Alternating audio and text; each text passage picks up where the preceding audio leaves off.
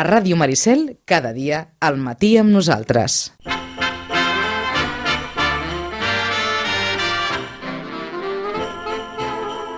Posem-hi, perdó, una mica d'alegria, perquè saludarem a Marta Marfany en aquest temps de l'hora d'Europa, perquè també volem saber com celebren el Nadal, si és que el celebren, en alguns estats membres de la Unió Europea. Això anirem en alguns moments amb aquesta tècnica en protocol i dinamitzadora cultural que darrerament ha fet diferents conferències i tallers sobre aquest tema. El Cort Inglés de Sabadell, l'Ajuntament de Tallà, en definitiva, és una qüestió que també a molts interessa des del punt de vista cultural, com se celebra el Nadal als diferents estats de la Unió Europea. Que tenen segurament més tradició que nosaltres a celebrar aquest Nadal del Pare Noel. El, el Nadal nostre ja ho portem molts anys celebrant, però el del Pare Noel, la incorporació del Pare Noel aquí, sí que és més evident o és més tradicional en altres estats de la Unió Europea. En uns moments saludarem Marta Marfany, Joaquim Millan, bon dia i bona hora. Bon dia i bona hora. Parlarem però... del Nadal, però quin any aquest, eh? Quina pregunta aquesta, eh? Però ara que deies això del Nadal, que deies això de que el Pare Noel, és veritat que, eh, comparant, nosaltres ens agrada molt incorporar altres costums d'altres llocs, amb el que sigui, eh? Perquè, perquè el, el tema nostre, que e, e, és el Reis tradicional, uh -huh. eh, esclar, en poder altres llocs eh, és el Pare Noel i Pare Noel i punt i final, no? Per tant, vol dir que, bueno, també és important conèixer les diverses tradicions que hi ha a la Unió Europea, no només eh, per festivitats concretes, uh -huh. sinó inclús per calendari, per Ens sembla que també, que també hi ha estats, ho hem passat nosaltres, el passat cap de setmana era, sembla que era Sant Nicolau, sí, hi ha alguns Nicolau, estats de la Unió correcte, Europea en què és el, és el gran dia. És el gran dia, el gran de Sant dia. Nicolau, no? O inclús alguns, Santa Llúcia, que per nosaltres abans ho era, i ara a vegades doncs eh, és... t'acaben de dir, ahir era Santa Llúcia, sí. ah, per això havia això, ni uh -huh. ens passen més desapercebut i ens concentrem poder en unes dates les, jo crec que podem anar concentrant les dates amb les més comercials, desgraciadament, eh? i jo crec que també s'han de recuperar altres dates que no són tan comercials però que són més familiars, de tradicions, mm -hmm. perquè els de la nostra edat um, diem, sí, sí, jo era quan era petit això ho feia, no?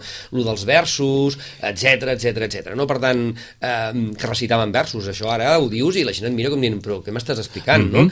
Eh, jo ho he passat, això, no? Que la vergonya aquella de, va, el vers de Nadal, Vinga, no? Has de fer el vers de Nadal que t'han ensenyat a escola, no? Eh, ara això no, no, no és així majoritàriament. No? Bueno, en fi, jo crec que també està bé perquè veus com les coses van canviant i algunes influències, inclús et dirien, americanes, no? Jo explico una cosa eh, que, que es pot explicar encara que hi hagin oients menuts, perquè és una qüestió que, que tothom coneix, però que la gent no, no ho sap fins que ho expliques, no? I és que el, el, el Pare Noel no, no anava vestit de vermell, anava vestit de verd aquest era el Pare Noel tradicional, fins que un dia una marca de beguda americana molt reconeguda fa un spot el primer spot utilitzant la figura del Pare Noel i el vesteix de vermell perquè és la marca de la Coca-Cola que és vermella, no?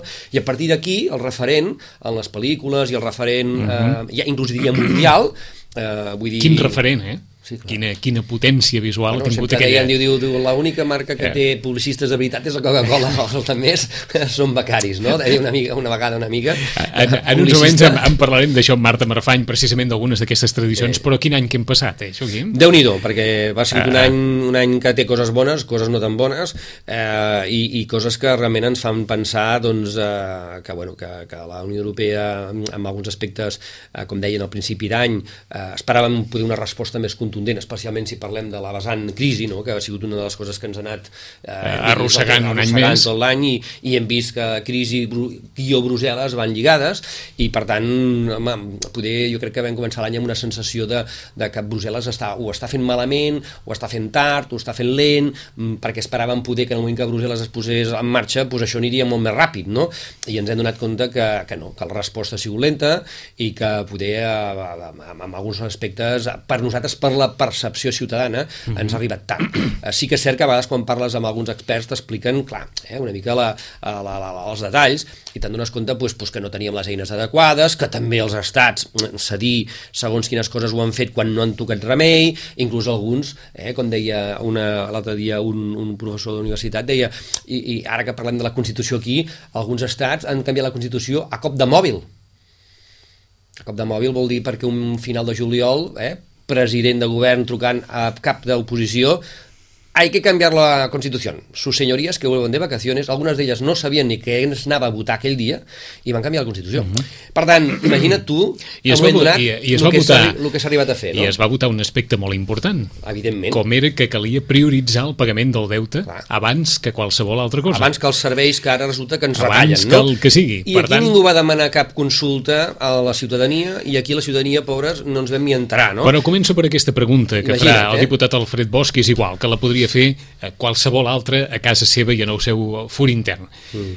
Uh, perquè un estat ingressi a la Unió Europea fa sí, falta el vistiplau sí, sí. dels 27 sí, sí, estats sí, sí, integrants sí, sí, de la Unió sí, sí, Europea. Sí. Ara serem 28, són 28, 28. en Croàcia, els 28, sí. D'acord. Amb què un digui que no... Tenim el veto, ja tenim un problema poden vetar el que no entri aquest estat i això, aviam, eh, no vol dir que mai més pugui entrar, però d'entrada ja no entres i això retarda, és una negociació que retarda per explicar... perquè és una retardació que té que, té que tindre el vistiplau dels 28. D'acord, per explicar-ho d'una forma molt fàcil, si, si es veta aquest ingrés, sí. hi ha una segona votació o ha de passar un temps prudencial? No, o ja de... estem entrant... Eh, clar, no s'ha produït aquest tema i els que s'han produït a la història han suposat negociacions i negociacions. Hem de recordar que algunes negociacions han durat molts anys després. D'acord, eh? és a dir, el, que... el que s'ha produït és el retard en la incorporació sí, d'un sí, estat. Sí. Però el que no s'ha produït és el veto a un el estat veto directament. automàtic perquè automàtic. no entri mai. Eh? Uh, això no ha passat fins ara. Ha passat el cas contrari. Un estat que m'ho hem donat ha negociat entrar i que el que li mancava per poder fer el pas final era el referèndum a la ciutadania sí. i per dos cops Noruega la ciutadania vota que no i no entra Noruega havent-hi fet tots els pactes, tots els acords els governs de torn, que en les dues ocasions han sigut governs de dos colors polítics diferents i havien negociat però és a dir, sí, Noruega eh? tenia totes les condicions però va ser la ciutadania la, la que, que no va voler incorporar-se no a la Unió sí, Europea en dues ocasions eh? aquest, aquest cas sí que el coneixem no? També és veritat que a vegades, mm, jo sempre dic que amb aquestes coses no ens hem de posar massa les mans al cap, perquè eh, quan parlem d'Unió Europea, mm, clar, la Unió Europea eh, eh, és, és, és, com, és com una diguem que és com un concepte que està en constant evolució i en moviment. Per tant, va canviant, va avançant. No és allò de dir, bueno, què pot passar? És molt difícil avui dir, això serà així? Sempre. No, doncs la, la Unió Europea eh, fa dos anys era d'una manera, eh, mira, eren 27, uh -huh. eh, teníem un tractat que no era el de Lisboa, que deia una sèrie de coses, ara, ara resulta que amb les properes eleccions europees escollirem amb el vot no només eurodiputat, sinó el que pot ser arribar a ser president de la comissió o presidenta de la comissió europea, cosa que fins ara era impensable, perquè això s'ho negociaven els estats, i deien, tu, Barroso, que t'has portat bé, eh? eh? Jo sempre dic que una de les... Quan parlem de crisi, també una de les coses que la ciutadania ha trobat a faltar és que, eh, per exemple, hi ha una crisi a Catalunya i al final el senyor Mas ha de sortir a TV3 a fer, eh, en, en, en print time, allò que se'n diu, una entrevista o el que sigui per explicar una sèrie de coses. Si passa a Espanya, també el senyor Rajoy a Televisió Espanyola mm -hmm. provoca que li facin una entrevista per tranquil·litzar una mica la ciutadania i donar la cara. Clar, quan això ha passat a Europa, aquí ningú ha vingut a donar la cara als ciutadans, no? Els ciutadans s'han trobat una mica a dir, bueno, la Unió Europea aquí és? Perquè el Barroso l'únic que ha fet ha sigut fer trucades als primers ministres i caps d'estat per mm, parlar dels seus temes, però ningú de la Unió Europea ha anat a donar la cara a la ciutadania dient nois, mm -hmm. Eh? estem fent això, estem fent nosaltres, intentem amb aquest tema reconduir la situació, defensar els vostres interessos, eh, els vostres drets, ningú. Jo crec que això ara ho farem. Per tant, aquí, deu, Europea... aquí deu jugar molt, què? La diplomàcia, els padrins, tot. Clar, clar. Aviam, eh, nosaltres hem arribat, en aquests moments on hem arribat, també perquè des de Catalunya s'ha fet una diplomàcia internacional, des de fa temps ho veiem, eh, com constantment s'està fent, i per això hi ha a vegades alguns titulars d'alguns mitjans o algunes declaracions d'algunes persones influents d'alguns estats membres o de fora dels estats membres mm -hmm. del món que estan observant el que està passant que considerem que poden ser favorables a la nostra causa. No? Per tant, per què? Pues perquè ja s'està fent això des de fa temps. També és veritat que, eh, que en aquest sentit, vull dir, no ens ve d'ara, no? ja s'ha fet com una mica diplomàcia cultural fa molt de temps, etc etc que això ens ajuda, o ajuda una mica en aquells que creuen que que, que, que pot esdevenir eh, un estat propi a Catalunya. No? Però en qualsevol cas, el Parlament Europeu no deixa de ser la representació política de cadascun dels estats. Sí, clar. Bueno, no, el, el Parlament Europeu representa ciutadans, que de més a més allà s'agrupen per famílies ideològiques. O sigui, els uh, senyors del PSC o del PSOE no aniran allà i diran, bueno, ara estem els espanyols i ens ajuntem amb els del PP, no. Nosaltres anirem a la família socialista europea, que a més ara ja tenen un candidat concret per, per, per si tenen majoria en el Parlament i es pot arribar a un acord, sigui nomenat eh, candidat a presidir la Comissió Europea, per exemple, no? Per tant, el Parlament Europeu és la, la, la, la, diguem la institució de les tres institucions importants la que ens representa més a nosaltres, que a més amb el nou Tractat de Lisboa tindrà molt més poder del que tenia fins ara. No? Per tant, eh, jo penso que en aquest sentit, com a ciutadans europeus, estem guanyant hm? i el que aquí està és una mica com els estats mm, no volen continuar cedint certa sobirania perquè cedir sobirania a la Unió Europea vol dir que la Unió Europea els pugui controlar amb ells una de les coses que molts nosaltres diem que, durant que hem aquesta... parlat tan arran de la crisi, la crisi no? dir, bueno, ja, això és dir, com jo que m'anomenes tu a mi, eh, puc estirar de les orelles quan toquen a tu. Eh, I fins a quin punt te les puc estirar públicament i, e intensament, no? Vull dir, llavors, és clar, també ens han donat compte una mica de dir, bueno, si la Unió Europea ens tenia que aquí redreçar i no ha pogut fer en certa agilitat com poder haver pogut fer, perquè els estats, també mm, alguns d'ells, eh, vull dir, mm, han dit, eh, això no m'ho facis, s'han negociat aquestes coses per intentar també eh, alentir segons quines, quines, quines solucions, o a vegades tot el contrari, Alemanya, com que diu, bueno, com que jo mano molt aquí, mm -hmm. escolta, o es fa això o jo m'enfado, no? I en el, Vull dir, i en el hi ha els dos casos, eh? I en el Parlament Europeu hi ha molta disciplina de vot.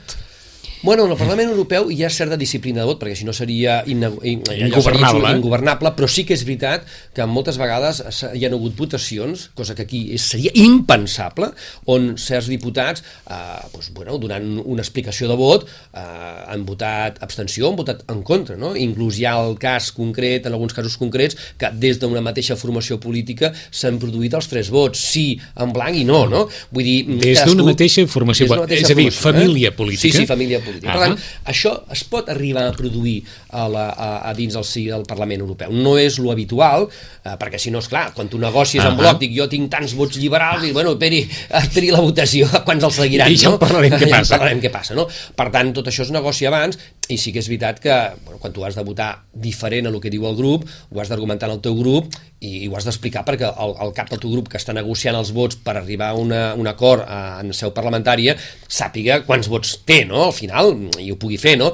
Bueno, jo crec que en aquest moment allà hi ha més transacció en aquestes qüestions que aquí, que és impensable. En aquí... qualsevol cas estem parlant d'un futurible, molt futurible, perquè l'any que ve entre altres coses, també és any d'eleccions al Parlament Europeu. Sí, per això en parlem tant, perquè uh... són eleccions al Parlament Europeu, són les eleccions que arriben amb, do, amb dos temes molt concrets. Un és, ens hem donat compte amb la crisi que això de Brussel·les va, va, va, va de, seriosament, per tant, Brussel·les acaba manant i Brussel·les acaba decidint i, per tant, si no decideix el que ens agrada, pues, com, ho podem, com ho podem una mica contra, eh, compensar? Pues, ho compensem al Parlament Europeu votant a, a unes polítiques que es faran en els propers anys eh, siguin més acordes amb el que la ciutadania pensa. I per tant entrem al segon punt.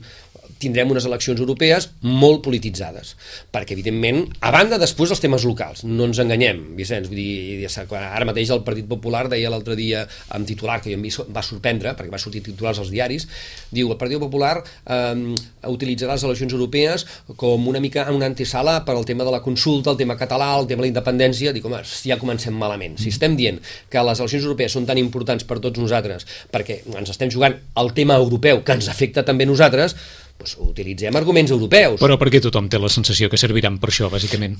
Ah, eh, jo crec que aquest és una mica, i qui diu el Partit Popular, poder ara la gent m'acusarà. Eh, però... Ostres, no, no. Eh, no, també dic els altres, eh? però aquests són els primers que han fet un titular, s'ho dit un titular d'això i per això ho dic, però que no seran els únics, eh? no ens enganyem, els altres no són uns sants i però només parlaran d'Europa. Aquella no. sensació que eh? Europa o ha d'avalar un posicionament o un altre.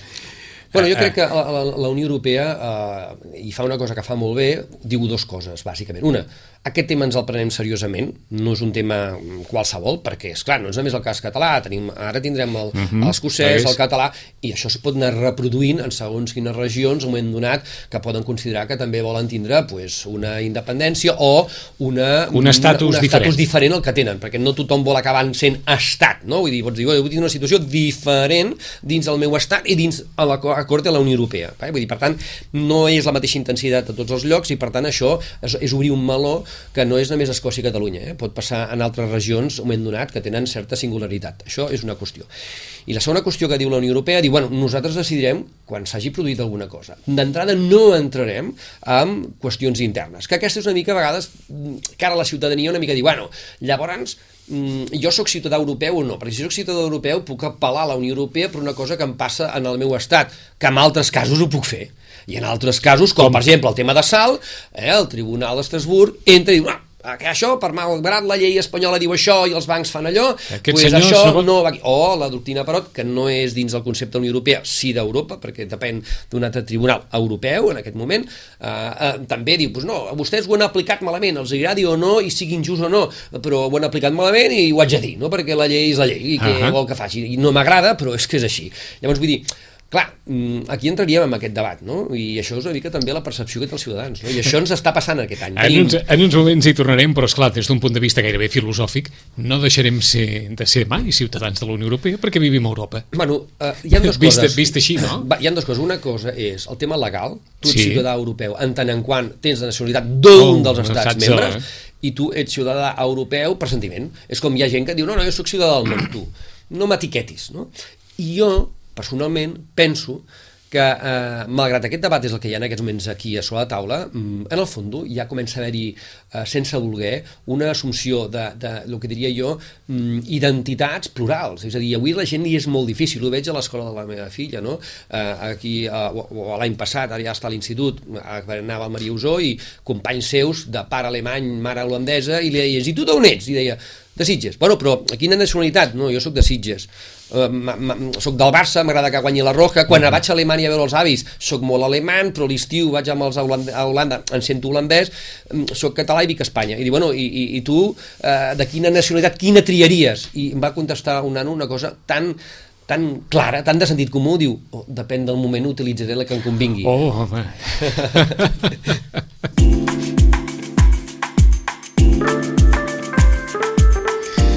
Au, quina resposta, eh? Pràctica, eh, per això. Caram, pràctica. Més, més pràctica no pot ser, pragmàtica. Agafaré la que em convingui agafaré la que em convingui a cada moment. Uh, uh, agafaré la que em convingui a cada moment. el que pot triar, clar. El que pot triar, el que pot triar. N'hi ha, home, per convenir, algunes en convindrien més que altres ara, clar. però no amb tot, eh? No amb tot, això, de ben, per això, de ben segur. Depèn, depèn del moment. De ben no? segur. El que sí és cert és que, vaja, hem de suposar que tots i cadascun dels estats de la Unió Europea celebra el Nadal. Marta Marfany, bon dia i bona hora. Bon dia. Tothom celebra el Nadal. D'una manera o altra, sí. Sí. La qual cosa no vol dir que tothom tingui, no sé si dir, la mateixa tradició per celebrar un Nadal o les mateixes arrels per celebrar no. un Nadal. Evidentment, ara la Unió Europea està conformada per 28 països i venim de tradicions molt diferents. Per tant, cada país i cada costum mm, tendeix a intentar conservar aquelles que li són pròpies. Fixem-nos que ara fa molt poc, eh, el mes de juliol, va entrar a Croàcia, per tant, eh, aquests eh, costums d'altres països es van incorporant i una mica tots plegats anem intentant conservar lo nostre, però adaptant altres costums de països veïns. Uh -huh. La senyora Marta Marfany és tècnica en protocol i dinamitzadora cultural i durant aquests dies esteu donant moltes conferències sobre precisament aquest aspecte, no? la celebració del Nadal a diferents estats de la Unió Europea. Sí, perquè una de les qüestions que ens agrada és anar municipi a municipi, moure'ns per tot el territori català i anar explicant coses també una mica lúdiques, culturals, i que ens facin una mica més enriquidor, perquè veiem que, que la gent té confusió i el que no vol ja són més preocupacions. Diu, explica'm alguna cosa que m'ho passi bé. Mm. Eh, és difícil, tots, eh? eh? és difícil, però, segurament associar un Nadal a alguna cosa que no passi bé, no? Per tant, és fàcil, aleshores, parlar d'una temàtica que de ben segur se sap que agradarà d'entrada perquè hi haurà molta predisposició, no? Sí, a més ens trobem, com deia ara en Joaquim, eh, això ja és un mosaic de cultures, per tant, moltes vegades a les xerrades ja ens trobem persones procedents d'aquests altres països i que mm, intervenen, ens expliquen curiositats d'alguna regió i cada xerrada que fem, la veritat és que els que n'aprenem som nosaltres mm. i ens ho passem doncs, molt bé amb, amb aquest enriquiment. Eh, eh, us ho posem molt fàcil, com que tampoc tenim massa temps, eh, ens basarem en eh, doncs... Pare Noel, Reis, naixement del nen Jesús i um... si, fins a quin punt hi ha moltes uh, diferències o no a l'hora de, de, de les festes capitals del, del nostre Nadal respecte al Nadal d'altres estats de la Unió Europea? Doncs, per exemple, una de les curiositats que, que observes quan mires el Nadal, diguéssim, des d'una perspectiva, sí. és que el calendari és molt ampli. Al calendari hi ha països que el comencen eh, l'1 de desembre. Per exemple, Dinamarca, Copenhague, sí. ja fan l'encesa de l'avet el dia 1 de desembre. I nosaltres, els espanyols, som eh, els més tardaners perquè fins al 6 de gener estem celebrant Reis. Per tant, eh, tenim un mes gairebé i mig de Nadals eh, en l'àmbit de, dels països de la Unió Europea. D'acord, o sigui, som, som els que acabem les festes més tard? Sí. I Dinamarca és qui les comença més aviat? Més aviat. I a partir d'aquí doncs, hi ha dates importants, com el dia 13, que és Santa Llúcia, mm. que se celebra a molts països, però, per exemple, Suècia, les nenes adolescents canten per les cases i porten una espècie de corones amb espelmes enceses. Això Llavors, per, per Santa Llúcia? Sí, per Santa sí. Llúcia.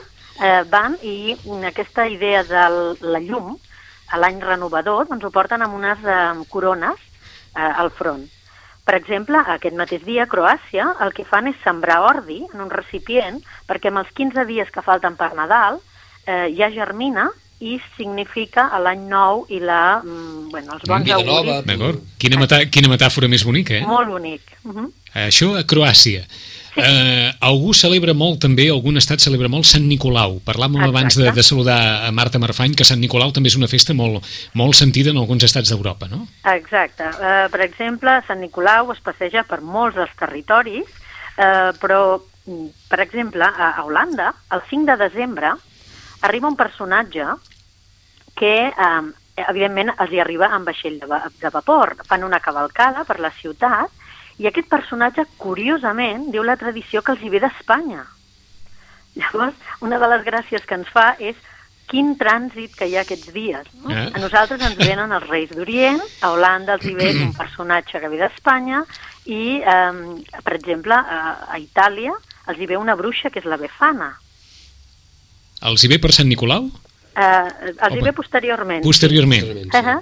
Per tant, clar, hi ha una sèrie de, de, de personatges que són els ajudants a que arribin tots aquests obsequis a totes les cases. El més popular de tots, el Pare Noel?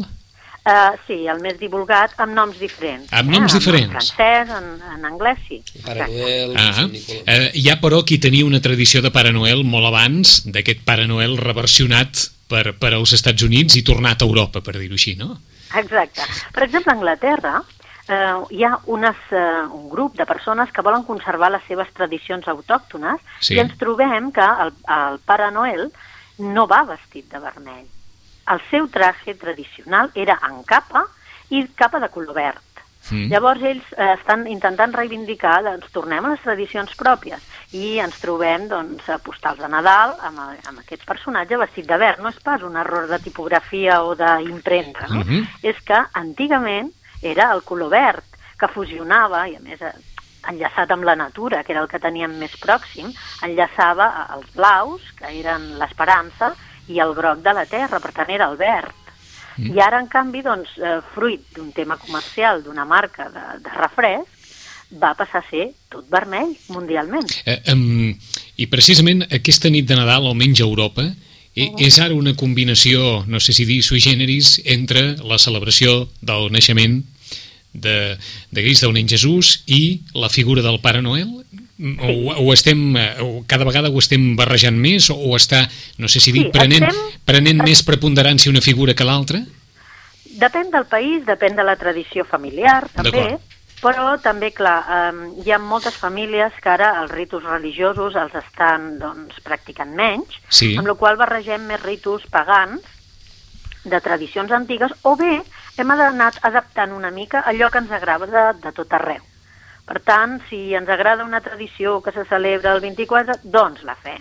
I si a més a més doncs, ens hem casat o emparentat amb algú d'un altre país, doncs també ho incorporem. Mm. Aquesta potser és la gràcia i la riquesa del, del moment eh, actual. No, nosaltres, com deia en Joaquim fa un moment, ens sembla que hem estat, no sé si dir, l'esponja de totes les tradicions, gairebé, eh? Sí, ahir mateix estàvem a, a Tarragona fent una xerrada i just era un dels temes de debat. Eh, sí, nosaltres som, doncs, per tradició i, i per, per cultura, jo entenc, que ens agrada una mica tot, ens agrada observar què fa el món, i adaptar tot allò que considerem que ens enriqueix. Llavors, si hem de celebrar, doncs... Eh, el Pare Noel... Santa Llúcia, el, el Pare Noel... El nen eh, Jesús, tot alhora. Exacte. Tot, doncs tot, un dia o altre, ho, som capaços d'incorporar-ho. Perquè hi ha algun país de la Unió Europea en què el Pare Noel no sigui molt evident per Nadal? Doncs, per exemple, en els expaïsos de l'est sí. tenen una figura que també és un senyor gran, un avi, un hàbit sí. amb barbes blanques, però que la seva roba és una capa o un abric de color beix clar, i aquest senyor és eh, Dedek Mraz, i aquest senyor és el que porta eh, les joguines a, a, a la canalla. Uh -huh. Per tant, rep també la cavalcada, la canalla va a buscar-lo i li fan les cartes en aquest personatge. Uh -huh. Per tant, eh, acostumem també a trobar aquesta figura comuna de són persones grans, bé siguin els sí, Reis Mags, sí. bé sigui en Dedec Ras, eh, sigui Sant Nicolau, barbuts, i eh, gent experta, no?, que sap el que fa. Abans quan tu deies això, Vicenç, de... has fet una pregunta com dient, bueno, què, què, què prima més, el naixement de, ah, del nen Jesús, de, Jesús o, o allà sí, sí que fer un rànquing, no? Jo crec que aquí hi ha una qüestió que, que, que és de sentit comú també. Uh, evidentment, el Pare Noel té connotacions comercials amb el nen Jesús no es comercia en aquest sentit, m'entens? Mm -hmm. Per tant, vol dir que cada vegada més, a nivell d'espots publicitaris, a nivell de pel·lícules, a nivell de que tu vulguis, la figura que els nens veuen, que no era la que veiem nosaltres en la nostra època, i per tant això està canviant, és el, el Pare Noel, no? Bàsicament, no? Inclús, fixa't que en aquest sentit ni tan sols els Reis Mags, no? Vull dir, el Pare Noel és una figura justament molt comercial i molt mediàtica visualment, mm -hmm. i especialment, però ho deies, una mica la, la, la, la, la, la influència americana, no? Per tant, en aquest sentit, mm, mediàticament, i per tant, tot el que ve darrere, comercialment, Pare Noel, això és evident. Per, perquè, I això es perd, el tema uh -huh. del Jesús, que era per nosaltres un tema que també tenia connotacions religioses, perquè eh. a banda, a banda d'això hi ha les tradicions segons la teva mm -hmm. religió. Ah, però, sí també... que, però sí que és cert, senyora Marfany, que el pessebre és present en molts estats de la Unió sí. Europea, no? Sí, clar, sí. tots els que són de religió eh, catòlica, ah, practicant, sí. doncs sí. Uh -huh. Exacte. Uh, um, no amb les mateixes figures, n'hi ha una no que és les... nostra, eh? el, el, hi, ha, hi ha alguna cosa semblant al tió? És present en algun estat de la Unió Europea o no? Um, com a picar um, el, el tronc, no. El no. que veiem en alguns països és que per barreja de tradicions paganes el que fan és uh, rodolar un tronc al voltant de la casa per allunyar els mals esperits. Per exemple, això ho trobem a Letònia. Llavors ells, eh, malgrat que bueno, no sabem al 100% si és real o no, però per si de cas ho fem. Mm -hmm. No fos cas que l'any vinent doncs, encara conserven en algunes eh, zones de Letònia aquest costum ancestral. Ah um, saltem del Nadal i ens ficaríem amb la missa del gall, amb la diada, però, però seria molt llarg. Anem per Cap d'Any. Uh -huh. Al Cap d'Any suposo que tothom el celebra d'una manera o una altra. Sí, eh, per exemple, és curiós que els nostres veïns italians, que estan aquí al costat, el dia 31, en lloc de menjar els 12 raïms, com fem aquí, ells el que mengen són llenties. Ja, Llavors, alguna... no us estranyeu... Sí, sí. Sí, uh, símbol, aneu, símbol de, de què? De bona sort o, o de, uh, sí, de fortuna? Sí, de riquesa i de, sí, de bons auguris també. Uh -huh. Aquesta és una idea comuna amb, amb la simbologia que fem, no? però sempre aquesta idea de que l'any eh, sigui bo, sigui pròsper, tinguem salut, tinguem felicitat i, no? i riquesa en un, dels àmbits, no? amb uh -huh. feina o amb sort. Uh, uh, perquè de... la, la nostra història del raïm, que té relació, segons sempre han dit, amb aquell excedent de raïm que hi va haver a principis del segle XX i que a partir d'aquí es va... Uh, la tradició del raïm és present a, molt, a molts estats o, o no? Doncs o és no, pròpia... no massa. No massa. És curiós, és curiós perquè ahir en parlàvem també i hi ha com una llegenda que a Itàlia també va néixer aquest costum dels excedents del raïm. En canvi, ells no ho han incorporat a la seva tradició i segueixen amb les seves llenties del 31. Uh -huh. Però, per exemple, a Galícia tenen una figura que es diu la palpador, que és un carboner que baixa de la muntanya, doncs justament mm, pot baixar dos dies, o el 24 a la nit o el 31 a la nit. I eh, aquest eh, personatge, que li diuen la noite de la palpadoiro, eh, ha d'anar a tocar la panxeta dels nens per veure si han menjat durant tot l'any. I si s'han portat bé, els hi deixes castanyes i algun obsequi. Això la nit de, de cap d'any. Sí, 24 doncs és curiós 23. perquè, clar, uh -huh. eh, no ens sembla per nosaltres, aquí a Catalunya no és un costum, uh -huh. i en mhm. canvi doncs, els, els veïns de, de Galícia tenen aquest costum de, de la noite de la Palpadoiro. D'acord, I, i els francesos o els alemanys travessen, travessen l'any menjant alguna cosa o, o senzillament... No, res, no, a, a toc de campana i, i s'ha acabat. Xampany, Xampany, ja està. Francesos, xampany. D'acord. D'acord. Els reis sí. eh, que també tenen molta tradició en alguns estats de, de la Unió Europea, eh, eh, en canvi en d'altres res de res, no? No, eh, ja aquesta data, diguéssim, per ells ja, ja, ja finalitzat, Per exemple, a Anglaterra, el dia final, diguéssim, és el Boxing Day, el dia de, nostre de Sant Esteve, sí. perquè el dia gros han estat 24 i 25, eh, celebren ja el Boxing Day amb descans, eh, o bé em sortir amb amics a fer eh, activitats esportives i lúdiques. Sí. El 31, evidentment, passem l'any, però ja s'ha finalitzat i ja tornen a la vida habitual. D'acord, nosaltres... és, és a dir, pels anglesos el dia de cap d'any ja és any nou i no hi ha res més a celebrar ja. Exacte, i ja ens incorporem a, a la feina, no? Nosaltres encara, com que ens venen de lluny, no, d'Orient, doncs encara hem d'esperar aquests sis dies perquè ens arribin els nostres obsequis. -huh. Després hi ha tradicions que han arribat a ser exportades d'Europa al món, com és el primer d'any, el concert de Viena, d'any uh -huh. nou, no? Vull dir que, que això és tradició allà, començar amb música, però ara ja és un concert que tots a casa, encara que no l'estiguis mirant, l'enxufes, uh -huh. dius el concert, anem fent aquí eh, l'aperitiu el que toqui, però ja tenim el concert en marxa, no? Els alemanys tenen Reis d'Orient? Uh, no. No. No, no. Ni els polonesos, ni, ni ningú. No, perquè ells, eh, les seves eh, tradicions, eh, no, no era una figura... Uh -huh. Clar, què pot ser? Que s'incorporin? Doncs podria ser, perquè mm, també és cert que les tradicions, com que van canviant, hi ha llocs on hi ha qüestions que estan en aquest moment una mica, diguéssim, en suspens o en qüestió. Per exemple, a Holanda, potser us heu fixat aquests últims dies, a les televisions han sortit notícies on eh, el personatge arriba acompanyat d'uns eh, patges, podríem dir, que són Pedrito el Negro. Doncs ara hi ha tot un grup sí. que està en contra de que aquests ajudants doncs, siguin de raça negra i siguin doncs, eh, els col·laboradors. No? Clar, mm, parlant amb gent holandesa et diu, home, jo tota la vida he vist aquests personatges, a més tinc les galatetes, tinc uh -huh. tota una tradició. Bé, doncs les coses canvien, no sabem, avui per avui s'ha celebrat, però bueno, l'any vinent o en el futur anarem veient com, com es modifica. O sigui que la Diada de Reis la celebren molt pocs estats de la Unió molt Europea? Molt pocs, en realitat, pocs, sí, pocs. sí. Doncs sí que acabarem creient que ho celebrem tot, eh? Bueno, de fet, aquí a vegades tens tot, el, el tot. problema del nano que et diu, bueno, aviam, si el que aquest tio, a una casa, a l'abuela, al Pare Noel, Exacte. als Reis, a la... En fi, escolta'm, vull dir que no incorporem més coses que es costarà molt car, això. Eh, eh, durant aquests dies de conferències, eh, eh, senyora Marfany, dèieu, eh, moltes anècdotes hem viscut, moltes experiències que expliquen eh, eh, al públic que assisteix a aquestes conferències, però alguna que us hagi quedat allò especialment al cap de dir, mira, me'n van explicar una anècdota que no hagués pensat mai que en algun lloc celebressin les coses d'aquesta manera? Doncs, per exemple, un, un senyor ens deia eh, jo sóc alemany i, és clar per mi el Nadal té una olor.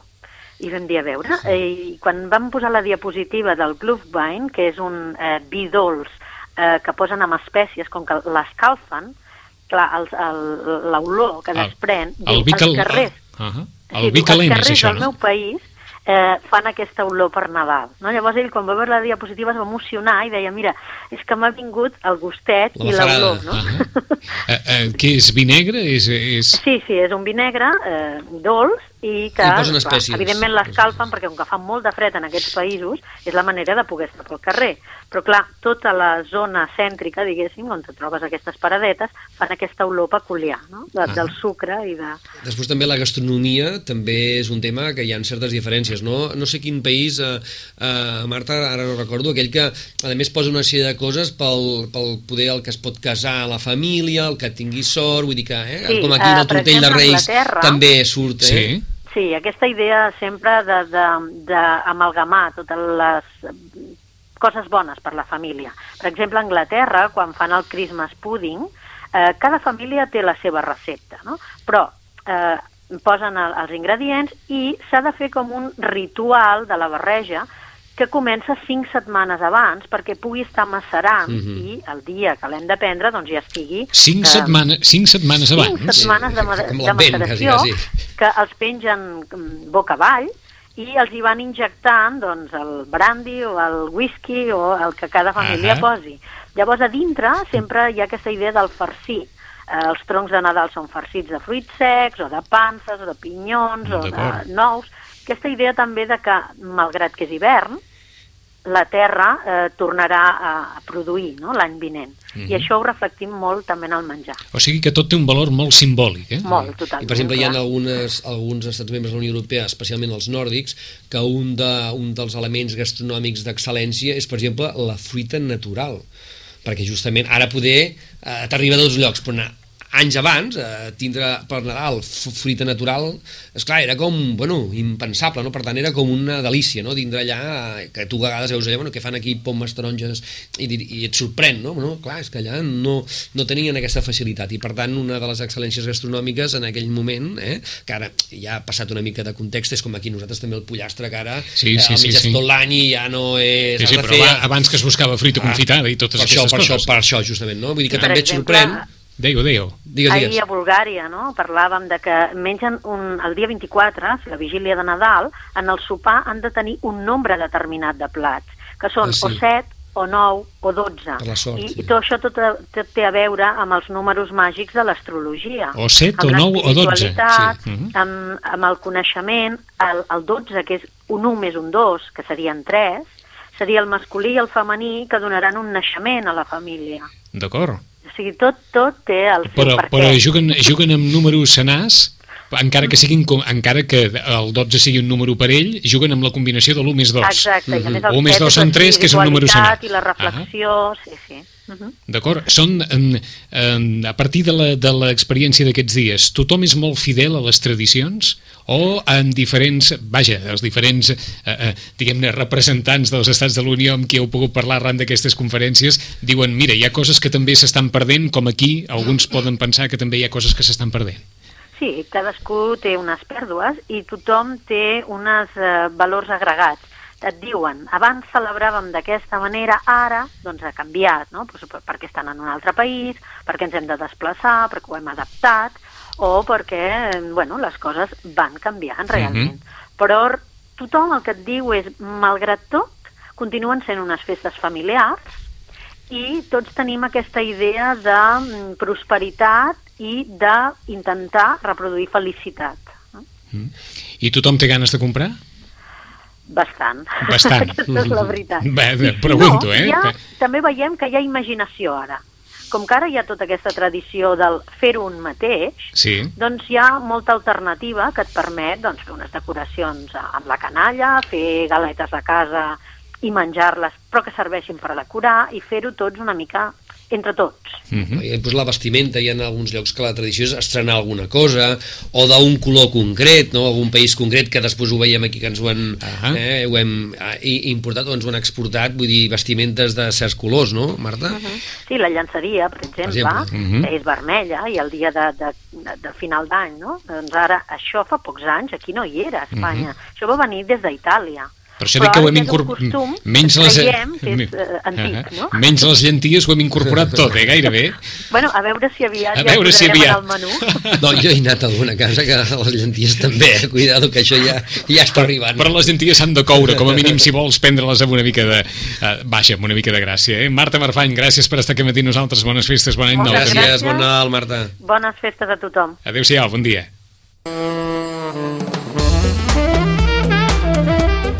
Algunes de les celebracions d'aquestes festes en estats de la Unió Europea. Sí que és cert que aquí ens ho quedem tot, eh?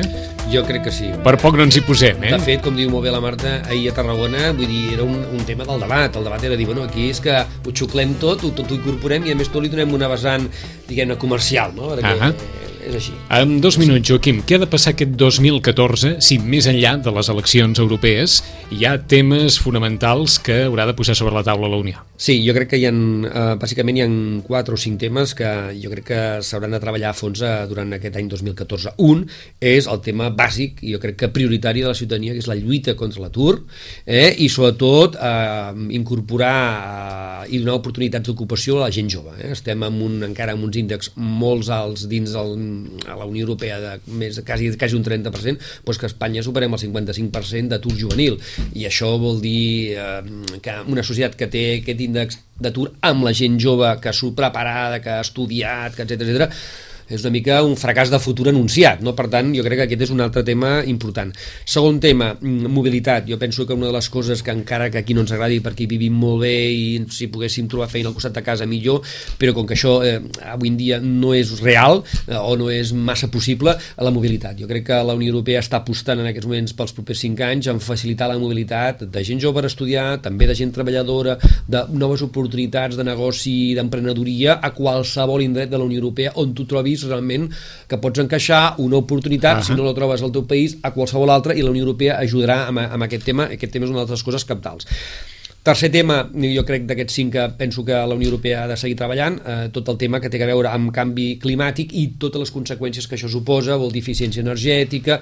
Eh, energies alternatives. Energies alternatives, per exemple, una de les apostes principals que en aquests moments les indústries eh, automobilístiques europees estan intentant competir amb la Xina amb la Xina i els Estats Units és amb el tema de fer abaratir els costos dels cotxes elèctrics, Elèctrics, les motos elèctriques... Que són això. encara massa cares. Que eh? són encara massa cares. I per tant, aquest és una lluita, mm, sobretot perquè és una lluita de mercat de futur. Uh -huh. o sigui, tothom sap que el mercat futur una part molt important serà el, el tema elèctric, elèctric. El que, eh? Vull dir, per tant, amb energies alternatives, el que sigui. Per tant, estem lluitant també per ser capdavanters amb aquest tema amb dos potències com els Estats Units o la Xina. No? I ens apuntes els dos darrers. I els dos darrers, que són, jo crec que són, eh, són importants. Un és eh, tot el tema que té que, eh, que veure amb, amb tema crisi, és a dir, eh, acabar de tancar bé les solucions que s'han pres a la Unió Europea perquè això no torni a passar i si torna a passar a tindre les eines adequades per actuar ràpid i bé i l'altre? i, i l'últim seria tot el, el que seria envers al, al posicionament d'Europa de, al món és a dir, una diplomàcia forta cosa que fins ara vol dir cedit sobirania als estats una altra vegada a la Unió Europea cosa que no agrada perquè si no tenim una sobirania forta en aquest món global de futur Europa cada vegada pinta menys En parlarem l'any que ve. Bones festes, bon any any, Joaquim. Igualment, bon any, fins l'any que ve. L'Hora d'Europa tornarà l'any 2014 i nosaltres en 5 minuts. Fins ara. A Ràdio Maricel, cada dia, al matí amb nosaltres.